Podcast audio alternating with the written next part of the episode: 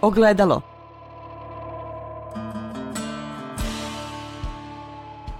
Podcast Autonomije.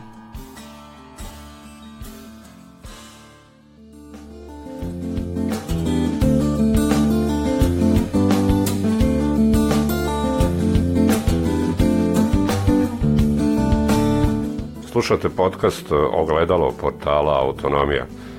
Ja sam Dinko Gruhonjić, a u ovom izdanju naš gost je Andrej Nikolaidis, pisac i kolumnista iz Crne Gore. Njegovi romani prevođeni su na 14 jezika i višestruko su nagrađivani. Nikolaidis piše i za brojne portale sa ex-jugoslovenskog prostora, a odnedavno i za našu autonomiju. Živi u Ulcinju. U ovih 30 minuta čućete više o aktualnom trenutku u Crnoj Gori, koja još uvijek nema vladu, iako je od izbora prošlo već bezmalo tri meseca. Kolega Nikolaidis, e, Crna Gora je e, na pragu formiranja nove vlade, možda jeste, a možda i nije, s obzirom da su ovi pobednici na izborima deluju više kao razbijena banda nego li kao neka heterogena skupina koja ima neku zajedničku ideologiju ili zajednički cilj. Kako se vama to čini? Pa meni se čini da, je, da se još jednom pokazalo da je Karl Schmidt bio u pravu. Naime, politika počinje u trenutku kad definišeš neprijatelja. Dakle, i taj neprijatelj je bio jedino što je zajedničko toj koaliciji. Neprijatelj je bio Milo Đukanović. Dakle, sad kad je on e, na neki način ovaj, uklonjen sa tog političkog bojnog polja, je teži dio da se učini nešto konstruktivno, pa makar to konstruktivno bilo i, i neuspješno, pa makar se to konstruktivno ovaj, kasnije pokazalo i kao čista destrukcija. Međutim, oni imaju sad uh, uh, više problema, uh, uopšte ne znam odakle, odakle da krenem. Ne mislim da je hinjen sukob, mislim da postoji ozbiljan ozbiljan sukob unutar te opozicije, ali isto tako mislim da oni hoće formirati vladu, zbog toga što u ovom trenutku uh, niko od njih nije toliko glup da uh, bude okrivljen za to što prva Kanovićevska vlada nije formirana baš zbog njega. Dakle, svima se više isplati da se napravi bilo kakva vlada, tim prije što uh, svako od njih tu vladu može da sruši u svakom trenutku. Dakle, to je vlada koja ima jednog poslanika više, to je skupštinska većina od jednog poslanika, dakle ako bude izglasana ta vlada, ona će biti izglasana sa 41 prema 40, to nije dovoljna većina za, za, za stabilnu vladavinu, to nije dovoljna većina ni da se objesiš o to. Dakle, to u svakom trenutku može da pukne i hoće.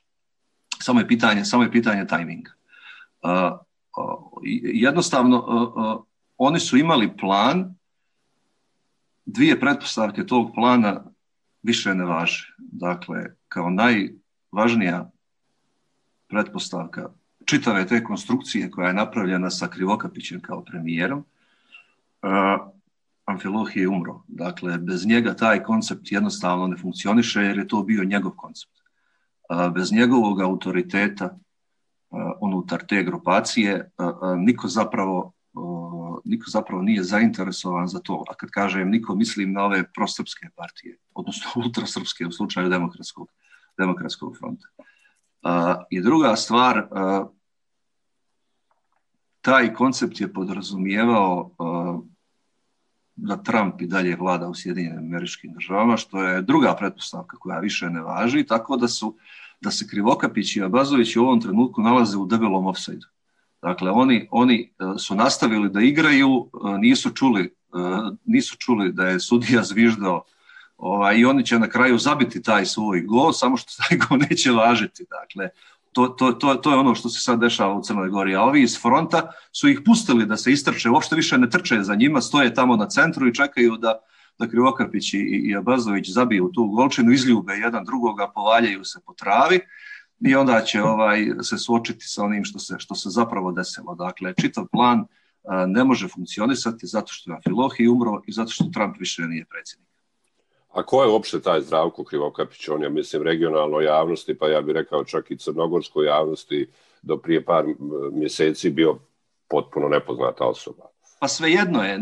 Ja, ja ne poznajem čovjeka. Mislim, na, nažalost, sad ga upoznajem kroz, kroz njegove izjave, od kojih je svaka sljedeća bizarnija od prethodne, ali a, a, to nije bitno. Već, neko, već nekoliko izbornih ciklusa zapravo demokratski front pokušava ono što im je sad uspjelo. Dakle, da izbace takozvanog nestranačkog lidera, čovjeka koji će se dopasti njihovom desnom populističkom biračkom tijelu, a neće osobito iritirati ostale građane, pa će se možda neko prevariti da glasa za njih, kao što se i desilo. Dakle, da je Krivokapić ove egzibicije koje, koje izvodio nakon izbora, ovaj, javno saopštavao prije izbora, pitanje je što bi se desilo. No zapravo ključni razlog zašto se ovo desilo sada nije recimo 2012. ili 2016. je to što je Đukanović oslabio. A oslabio je vlastitom krivicom. Dakle, on imao sve poluge vlasti i u partiji i u državi u rukama i svi izbori koji su bili očito pogrešni i sve odluke koje su bile očito pogrešne su bile njegove odluke. E, tako da je e, e, jednostavno njegov koncept njega i demokratske partije socijalista kao branitelja države se rasu u param parčat zbog toga što su građani na svoje oči vidjeli da države zapravo u Crnoj Gore više nema, da je, su institucije tako oslabile, da ono što se zove državom ne može garantovati pravnu sigurnost apsolutno nikome, čak ni bogatima, siromašnima da i ne govorimo. Bezakonje je bilo ogromno, jednostavno je sve skupa bilo trulo, iritantno i smrdilo je do neba. I mislim da je situacija bila takva da je, je potpuno bilo svejedno koga će kandidovati demokratski front, jer oni zapravo nisu pobjedili. To je pojenta Đukanović je izgubio. Pobjedio je sam sebe, zato što nije, nije odradio reforme koje su bile nužne Ovaj, a, a, a, mislim, sve, sve, sve to stara priča i ovo se moralo desiti. Čak i da, čak i da je pobjedila demokratska partija socijalista i da, da su imali 3, 4, 5 mandata više, to bi samo bilo to bi samo bio nastavak mrcvarenja jer je bilo potpuno jasno da ta partija nije u stanju da se transformiše, nije u stanju Crnu Goru da transformiše u smislu u kojem je potrebno da se transformiše da bi ona postala westernizovana i evropska država i, i, i jednostavno bi to bilo, bilo neka vrsta loše beskonačnosti, još jedan ciklus od četiri godine nakon kojega bi oni nužno izgubili. Dakle, jednostavno to nije, to, to više tako nije moglo. Vidio sam izjave iz DPS-a kojim se sad sprema ovaj kongres da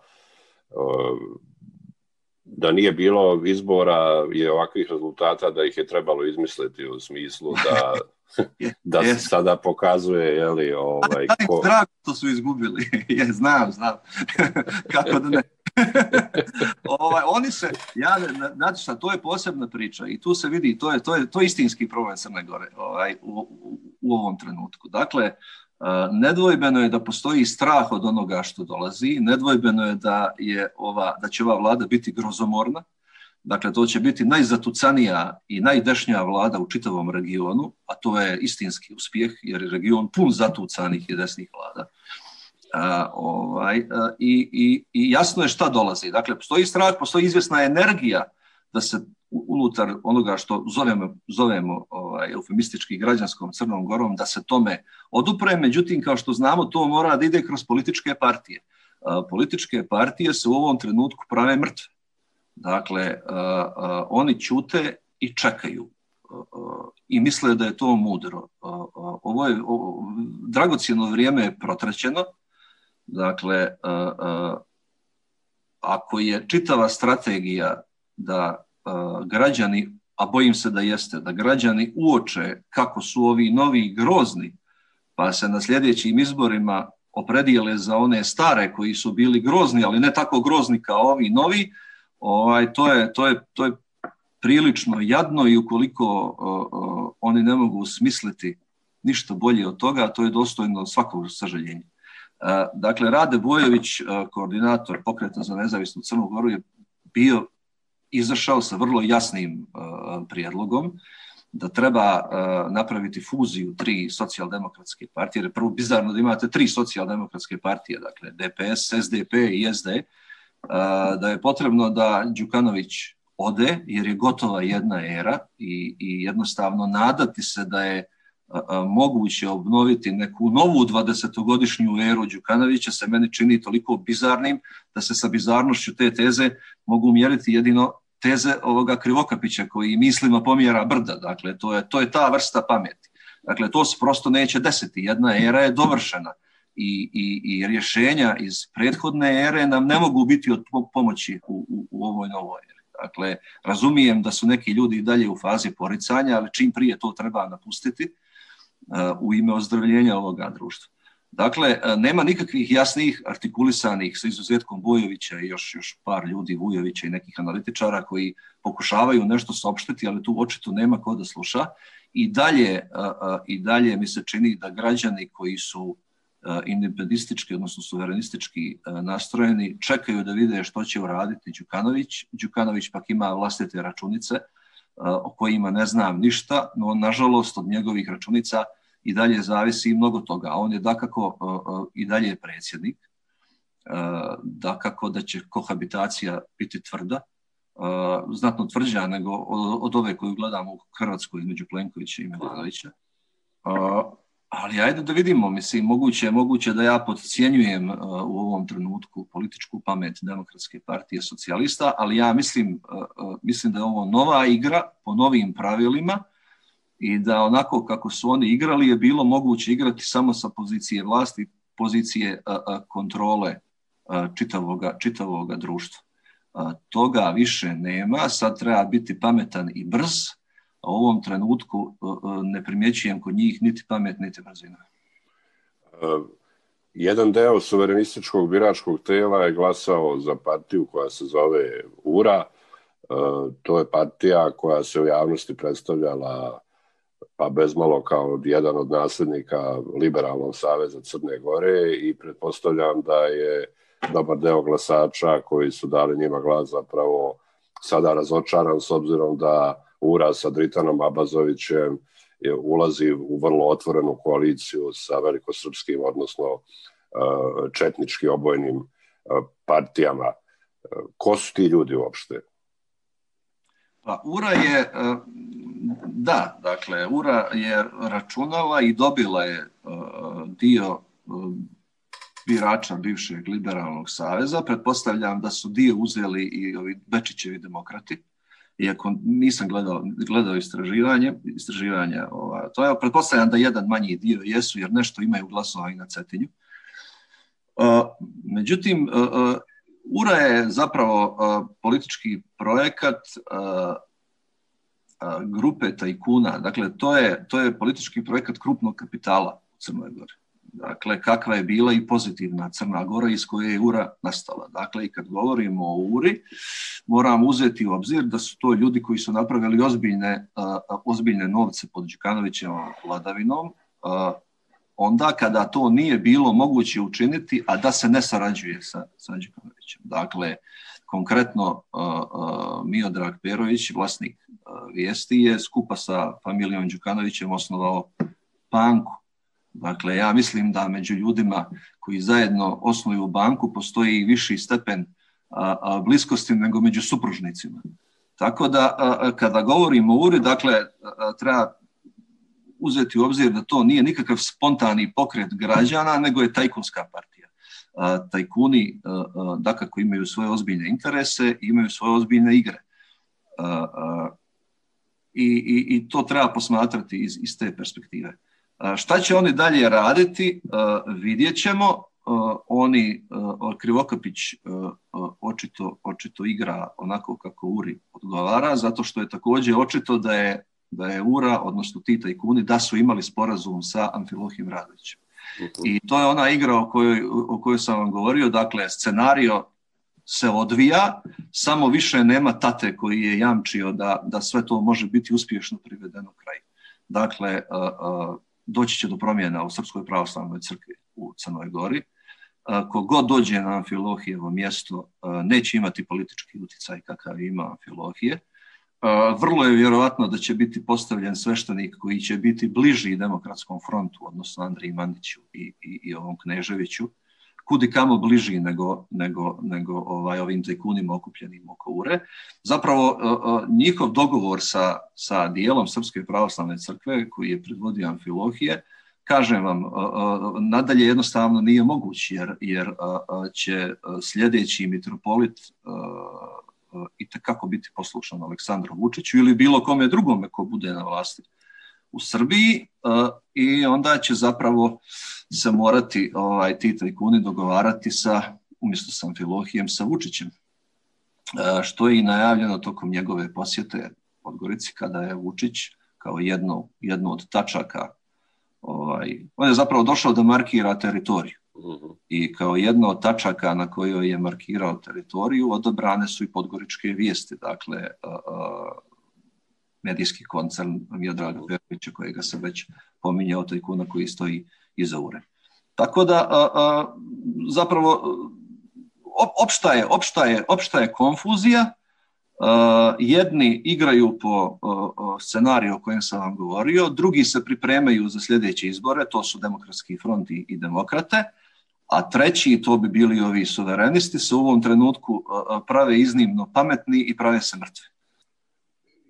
Naravno, Srpska pravoslavna crkva koja je bila odlučujući igrač, u to nema nikakve sumnje, odnosno pokojni Amfilohije Radović sa svojim litijama. Šta je uopšte Srpska pravoslavna crkva u Crnoj Gori? Je to e, verska organizacija ili je to organizacija koja je, čini se na momente, i paramilitarna? Pa to, oni su naravno i vjerska organizacija, na momente i paramilitarna organizacija, a također su i par excellence politička organizacija. I oni će to nastaviti da, da budu i sa novim metropolitom. Samo je dakle pitanje e, hoće li taj biti dovoljno sposoban kao politički lider da, da, da, da nastavi i dovrši ono što je Amfilohi radio. Amfilohi je održavao neku iluziju autonomije unutar, autonomije njegove mitropolije unutar Srpske pravoslavne crkve. I ta iluzija autonomije je, je pomogla u ostvarenju ovoga plana. To je pomoglo Uri da napravi koaliciju sa njima. Međutim, potpuno je jasno da, da, da je mitropolija Crnogorsko-Primorska samo jedan dio Srpske pravoslavne crkve, ni po čemu različito od ostalih dijelova te crkve. Potpuno je jasno da Amfilohije nije bio šef te crkve, nego je šef te crkve bio Irinej. I potpuno je jasno bilo da je politički šef čitave te stvari u ovom trenutku Aleksandar Vučić. Dakle, sve to je, ja mislim, bila iluzija koju je Amfilohij uspješno održavao. Bez njega ta iluzija nije moguća i bez njega morat će se praviti neke nove računice i neki novi medijski spinovi o tome zašto bi... Znate, to, to su nadrealne stvari. Vi ste imali, vi ste imali vijesti čiji su kolumnisti tvrdili da će upravo Srpska pravoslavna crkva sa Amfilohijem na čelu biti odlučujući faktor u emancipaciji crnogorskog društva. Dakle, nad tim se može plakati ili smijati, zavisi kako doživljavate tragično i, i komično, ali je svakom mislećem čovjeku bilo jasno da je to notorna budalaština i da, da ljudi koji to saopštavaju bezočno lažu. Naravno, to se pokazalo kao istina, jer kada smo dobili priliku čuti tog nosioca emancipacijskih procesa koji se zove Zdravko Krivokapić, ljudi su se uhvatili za glavu. Znači, u Crnoj Gori se svašta dešavalo, ali takve stvari još nismo čuli od, od, od, od jednog predstavnika vlasti, a kamoli od, od, od najvažnijeg čovjeka u izvršnoj vlasti u Crnoj Gori. Tako da smo mi dobili, ja, mislim, ja sam pisao naravno više puta o tome i, i predvidio da ovo što se dešava u Crnoj Gori će završiti sa uspostavom neke forme vjerskog fundamentalizma. Krivokapićevo čitanje hrišćanstva je apsolutno fundamentalističko.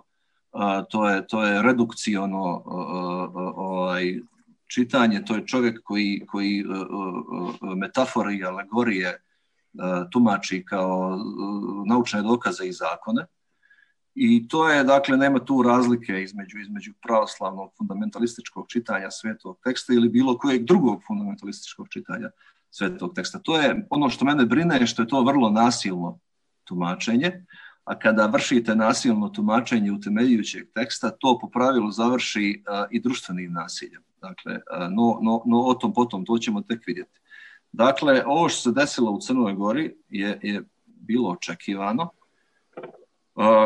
i potvrdilo je, na, mislim, ja sam također pisao i tvrdio da što, što ne, ne, treba biti osobito inteligentan, treba samo biti elementarno iskren, ovaj, da bi se reklo to, to, to, što sam, to što sam tvrdio. A to je dakle da projekat Velike Srbije nije mrtav. A, a, ideja je živa, nosioci su živi i zdravi. A, jednostavno pisao sam tada, čeka se neko malo pomjeranje ti geopolit, na, na geopolitičkoj sceni, pa da se opet pokuša sa, sa istim projektom. To malo pomjeranje desilo se dolaskom Donalda Trumpa na vlast. Stvari su se izmijenile i, i Vučić je pokušao. Dakle, sad, da li oni to zovu srpski svet, ovaj, kako, to, kako je to krstio, da li Raković ili, ili neko od tih, tih, tih mislilaca sa desnice u Srbiji, ili Velika Srbija, po, posve je svejedno, a, pokušaj ostvarenja toga je u toku. Ja mislim da od toga neće biti ništa, ne zbog zasluge crnogorskih suverenista ili zbog hrabrosti i odlučnosti e, takozvane građanske Crne Gore, nego prosto zato što, što je na vlasti sad Bajdena nije više Trump. Dakle, ovaj, uh, stvari, stvari su vrlo jednostavne. Evo vidjet ćemo. Ovaj, na neki način na neki način uh, uh, stvari jesu otvorene, a kad jesu otvorene, moguće je da sve završi ovaj, uh, katastrofom, a sa druge strane postoji mala mogućnost da, da se desi i nešto, i nešto spasonosno i, i, nešto što bi vodilo kao zdravljenju crnogorskog društva. Kao što sam vam rekao, ono što mene brine u ovom trenutku je, je potpuni nedostatak uh, političke artikulacije bilo kakve progresivne ideje. Dakle, u ovom trenutku političke partije u Crnoj Gori, one koje su građanske i suverenističke, ne samo da ne emituju nikakvu progresivnu ideju, nego ne emituju nikakvu ideju. Oni, on, one jedva da emituju znake života.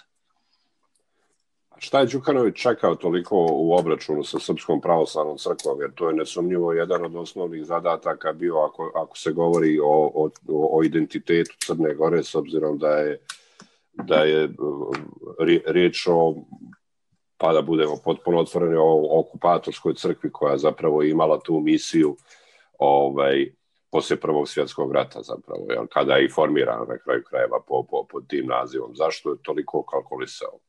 Znate šta, ovaj, uh, i, i, dio, većinski ovaj, dio javnosti u Srbiji koji je osjećao strašnu mržnju prema, prema Đukanoviću, vjerovatno ne zna da je Đukanovićeva vlast za hram u Podgorici i hram u Baru uh, po riječima ljudi iz Crnogorske pravoslavne crkve, a nema razloga da im ne vjerujemo, uh, Amfilohiju dala cijelih 14 miliona eura. Dakle, oni ne samo da se nisu obračunavali sa uh, Srpskom pravoslavnom crkvom, nego su uh, snažno, izdašno podržavali njene aktivnosti. Uh, ako se uh, želio neki obračun sa Srpskom pravoslavnom crkvom, posve je jasno da je najbolji moment uh, bio period nakon referenduma.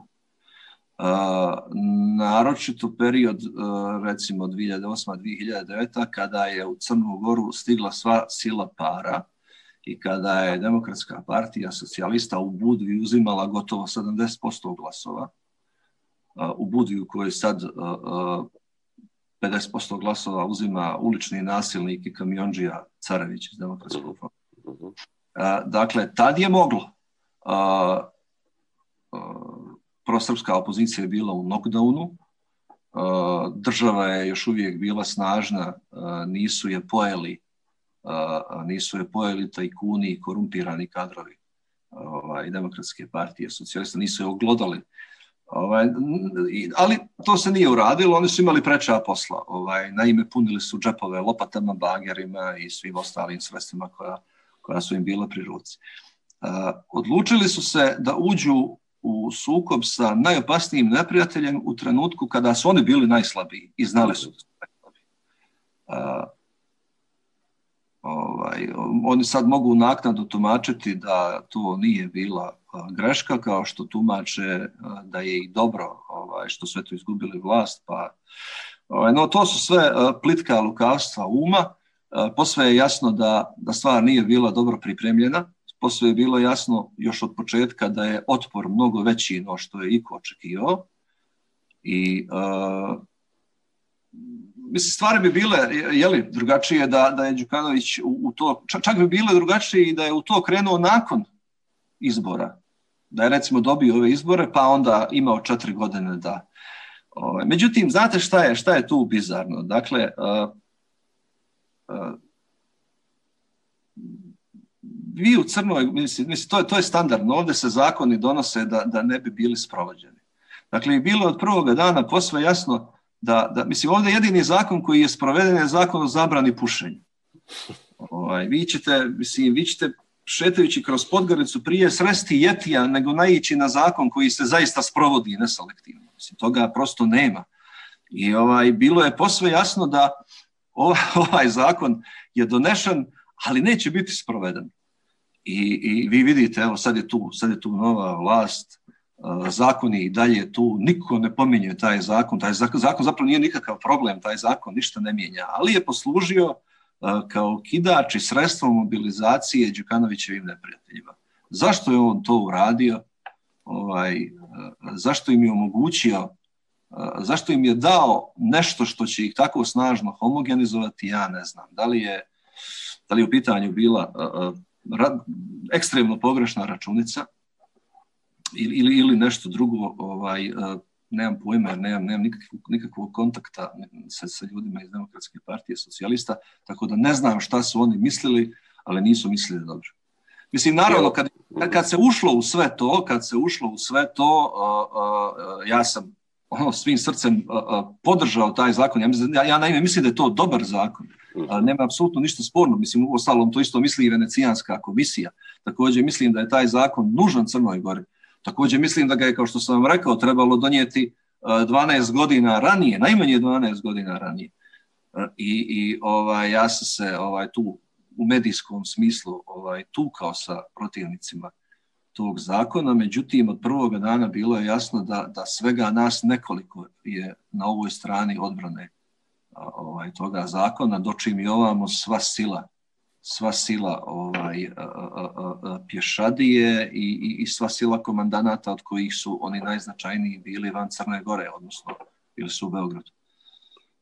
I evo, Andrej, posljednje pitanje ovaj, je zapravo, barem meni to tako izgleda, možda ja idealizujem, sigurno da ide, idealizujem, ali Crna Gora je od svih društava na prostoru nekadašnje velike države Jugoslavije ne samo svojim ustavom drugačija zato što je definisana kao, kao građanska država, nego bih rekao da su i ti međunacionalni odnosi koji su, nažalost, jedan od fundamenata ovde kod nas u takozvanom regionu, ipak bili na daleko višem i boljem nivou nego što je to slučaj u ostatku bivše, bivše države da li će to opstati, da li će taj bazični koncept građanske države i, ajde da kažemo, međunacionalne tolerancije uspeti da odoli srpskom svetu? Uh, ukoliko i na sljedećim izborima uh, dobiju uh, Krivokapić, ukoliko on oformi tu svoju demokrišćansku partiju, demokrate i ovaj demokratski front, neće. Zato što ljudi iz demokratskog fronta su izričiti u tome da oni žele ustavne promjene. Oni, njih više ne zanima ovakva Crna Gora, oni žele Srbe kao konstitutivni narod u Crnoj Gori, a to onda vodi ka bosnizaciji ovaj, Crne Gore i onda su mogućnosti, onda je sve loše moguće nakon toga. Ukoliko oni budu imali većinu u parlamentu za promjenu ustava, to, će se, to će se desiti i to je van svake sumnje. I utoliko je odgovornost URE veća. Nije problem, nije problem samo u tome što su oni doveli vjerske fundamentaliste u ovom trenutku na vlast.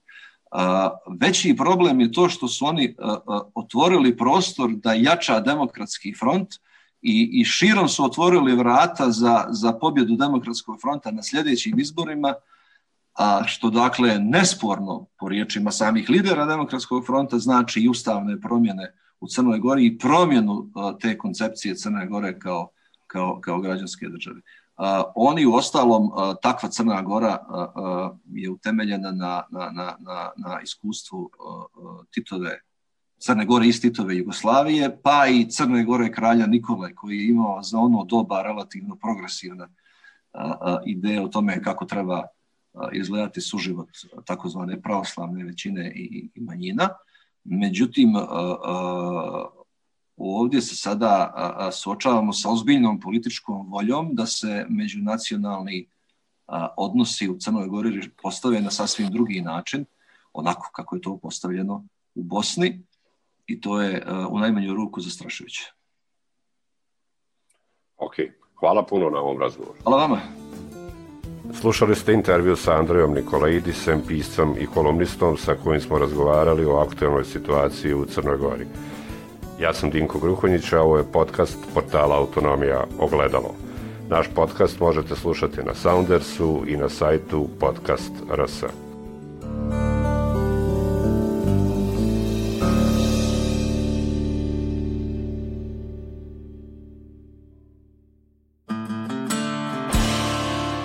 Ogledalo